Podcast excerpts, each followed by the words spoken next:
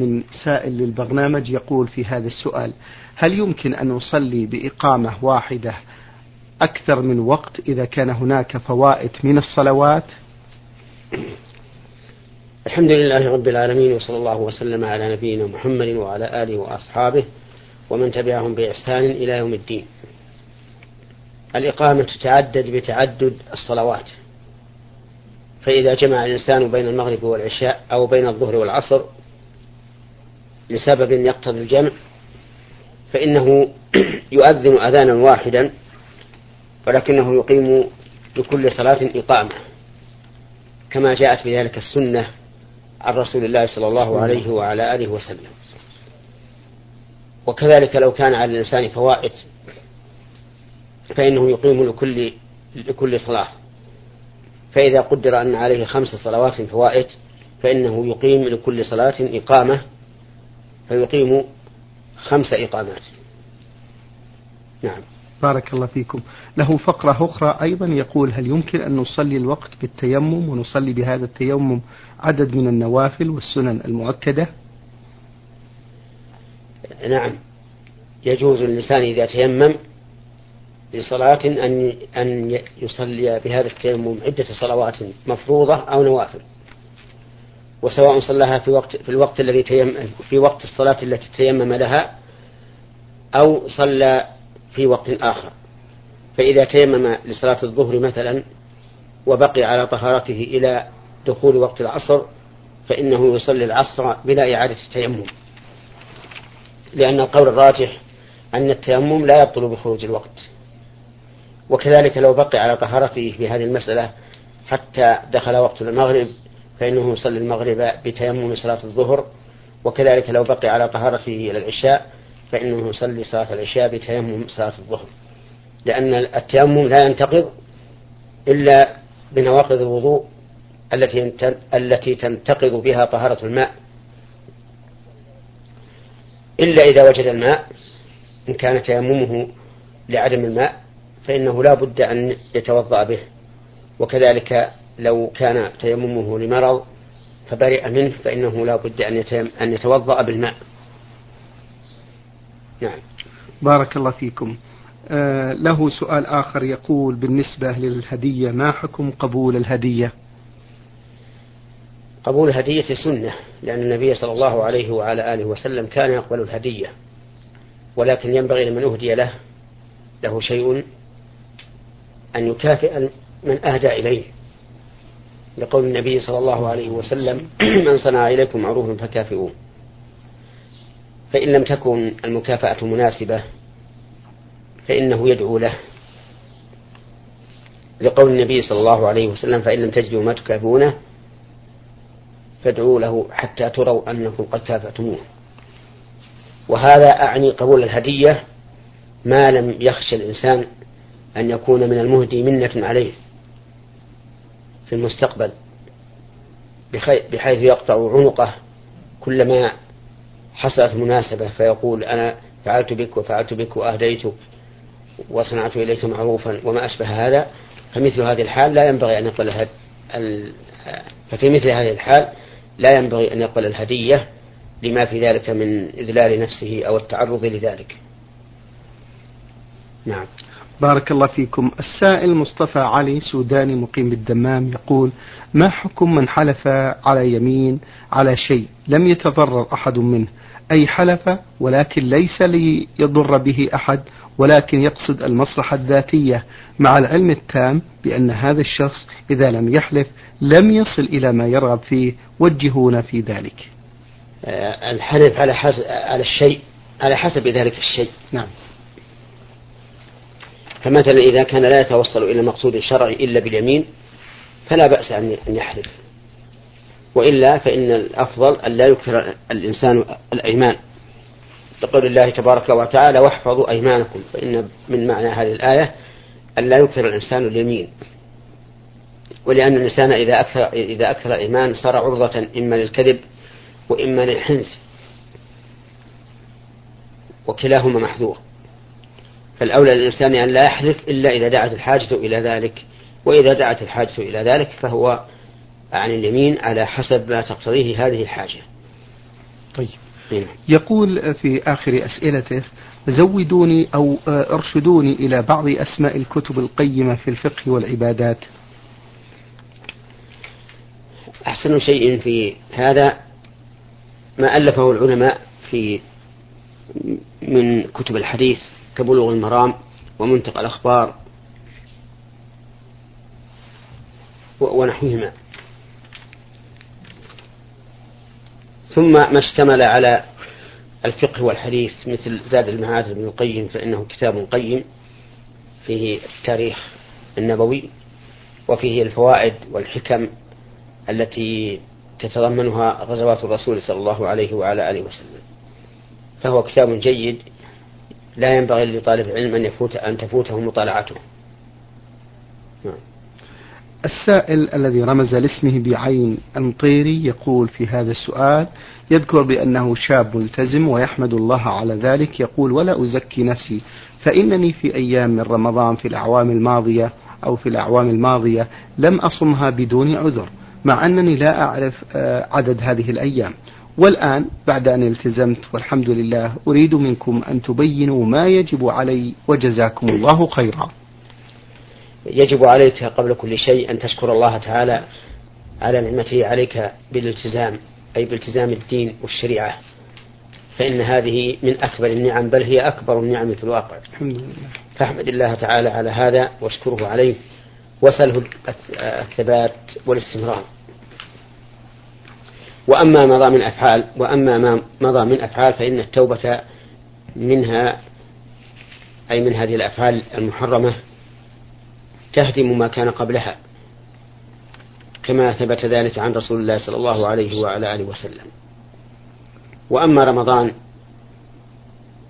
الذي لم تصمه فإنه لا يلزمك قضاؤه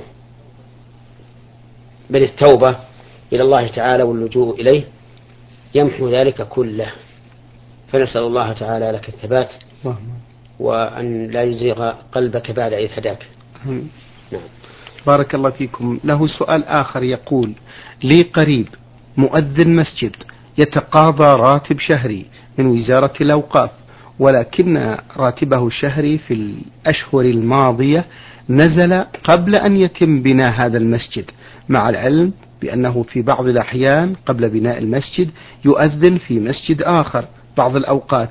فما هو رأيكم فضيلة الشيخ في هذا في هذا المال الذي تقضى قبل أن آه، يتم بناء هذا المسجد؟ هل هو حرام؟ وجهونا في ضوء هذا السؤال. أما إذا كان هذا المسجد بناؤه ابتدائي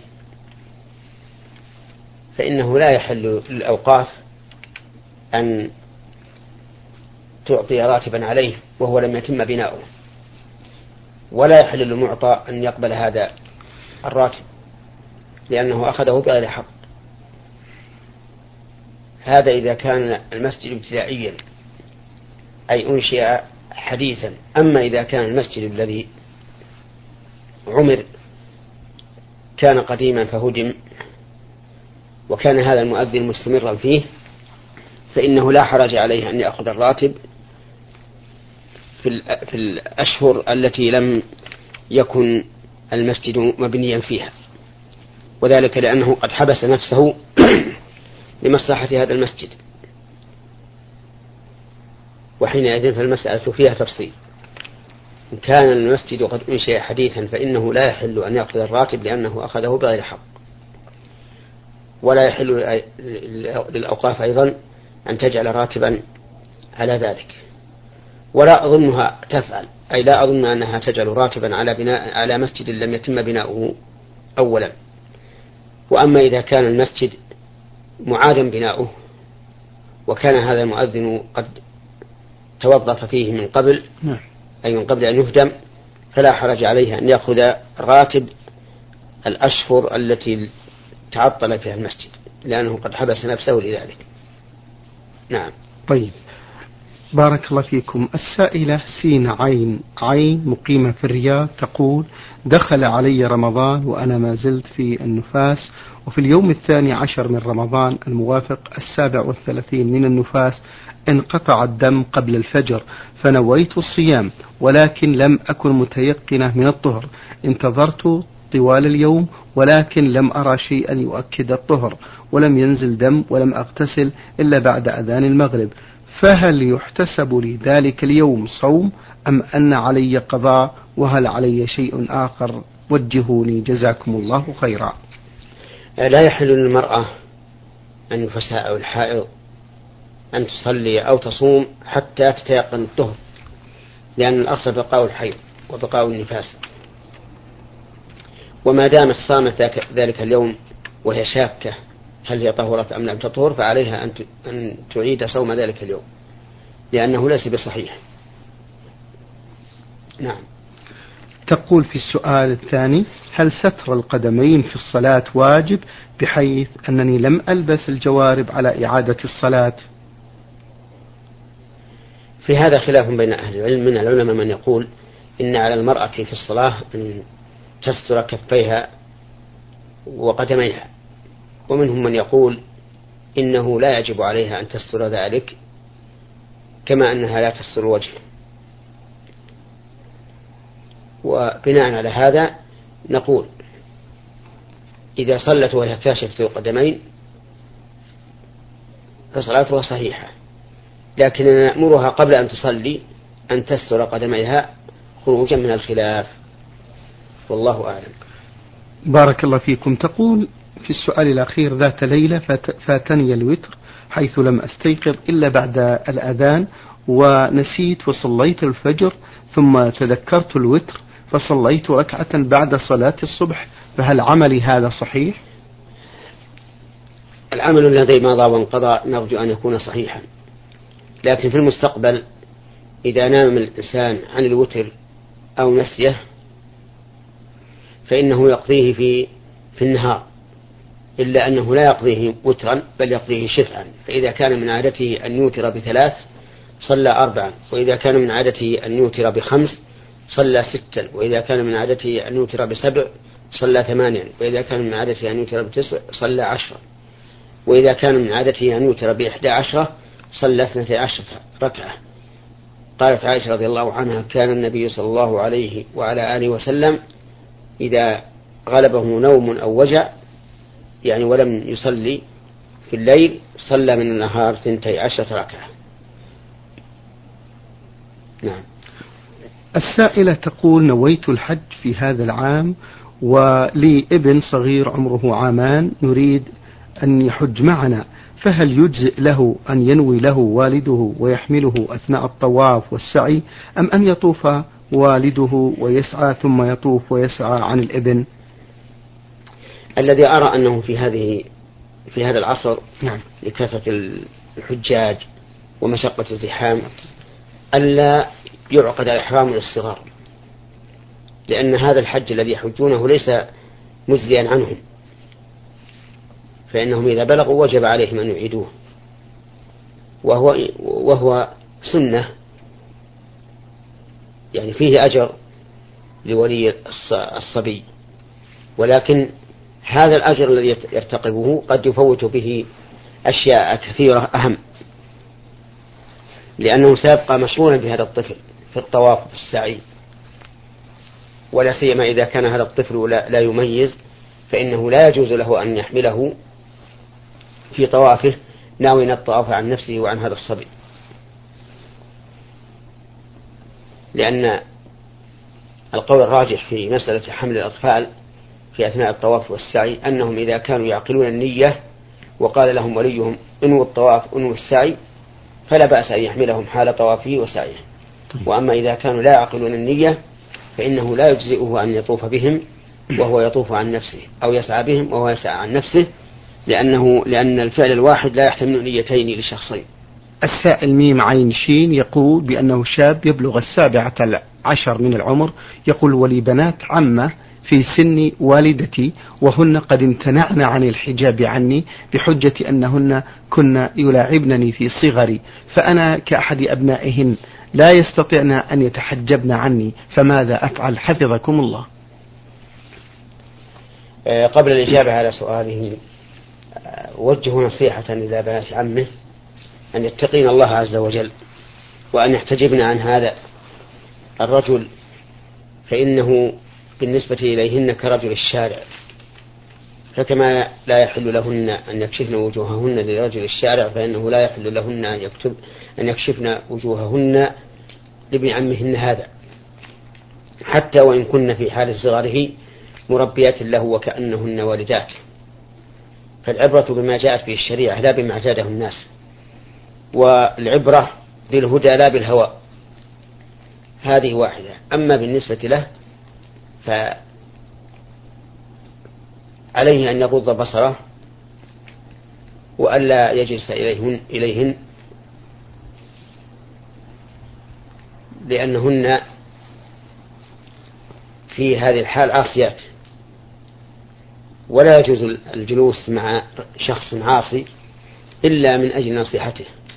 وإذا كان هؤلاء النساء لا يمتثلن النصيحة ولا يرعينها ولا يلقين لها بالا فإنه لا يجوز أن يحضر إليهن وهن كشبات الوجوه لكن لو فرض أنهن في بيت يسكنه هو وأنه لا بد من أن يبقى في هذا البيت فعليه أن يغض البصر ما استطاع. جزاكم الله خيرا. يقول لا يوجد في مدينتنا مسجد جامع معتمد. يجتمع فيه الناس لصلاة الجمعة وفي الحي الذي نسكن فيه يوجد ثلاثة مساجد متقاربة كلها تقيم الجمعة. فهل صلاتنا جائزة أم أننا يجب أن نجتمع في مسجد جامع؟ جزاكم الله خيرا. الواجب أن, أن تجتمعوا في مسجد واحد. لأن هذه البيوت متقاربة لأن هذه المساجد متقاربة. والأصل في الجمعة أن لا تقام في أكثر من موضع إلا لحاجة. وعليكم أن تبلغوا وزارة الشؤون الإسلامية والأوقاف والدعوة والإرشاد في الموضوع حتى تتمكن من إرشادكم إلى ما يجب. فإن لم يتيسر ذلك فصلوا في أي مسجد شئتم إلا أنكم تفضلون المسجد الأول الذي كانت تقام فيه الجمعة أولا. لأنه أولى من من المسجدين الآخرين حيث إن المسجدين الآخرين هما اللذان حصل بهما المخالفة. والخلاصة أنكم تتبعون أولا إبلاغ وزارة الشؤون الإسلامية والأوقاف والدعوة والإرشاد بهذا. ثانيا إذا لم يتيسر تغيير الأمر على ما على عما كان عليه فصلوا في أول المساجد الذي أقيمت فيه الجمعة. نعم. بارك الله فيكم.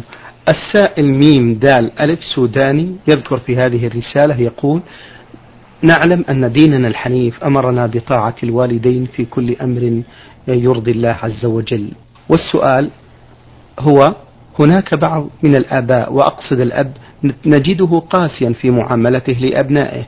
معاملة يحس من خلالها بالخوف والفزع ومنهم من يضرب ويسب ويلعن.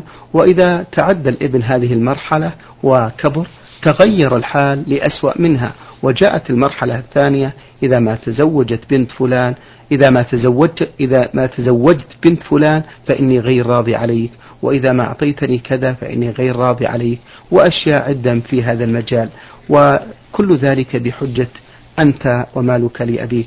فهل من نصيحة وتوجيه لهؤلاء الآباء فضيلة الشيخ؟ نعم نصيحتي للآباء والأمهات أن يتقوا الله عز وجل في تربية أولادهم من بنين وبنات وأن يعينوهم على برهم وذلك باللطف والإحسان والتوجيه السليم وعدم العنف وليعلموا أنه ثبت عن النبي صلى الله عليه وعلى آله وسلم أن الله رفيق يحب الرفق في الأمر كله وأنه تعالى يعطي على الرفق ما لا يعطي على العنف. وأبلغهم بأن العنف يؤدي إلى القطيعة والعقوق لأن النفوس مجبولة على كراهة من يسيء إليها وعلى محبة من يحسن إليها. أما بالنسبة للأولاد فإن أنصحهم بأن يصبروا ويحتسبوا الأجر من الله عز وجل ويسأل الله تعالى أن لا يسلط عليهم آباءهم وأمهاتهم. وليعلموا أن لكل أزمة فرجة. وأن الله تعالى يجزي الصابرين أجرهم بغير حساب. ثم إذا أمرهم آباؤهم أو أمهاتهم بأمر فيه مشقة عليهم وليس فيه مصلحة للأبوين أو أمروهم بأمر فيه ضرر في دينهم أو دنياهم فإنه لا يجب عليهم طاعة الوالدين في ذلك. لأن طاعة الوالدين إنما تجب فيما إذا كان الأمر ينفع الوالدين ولا يضر الأولاد.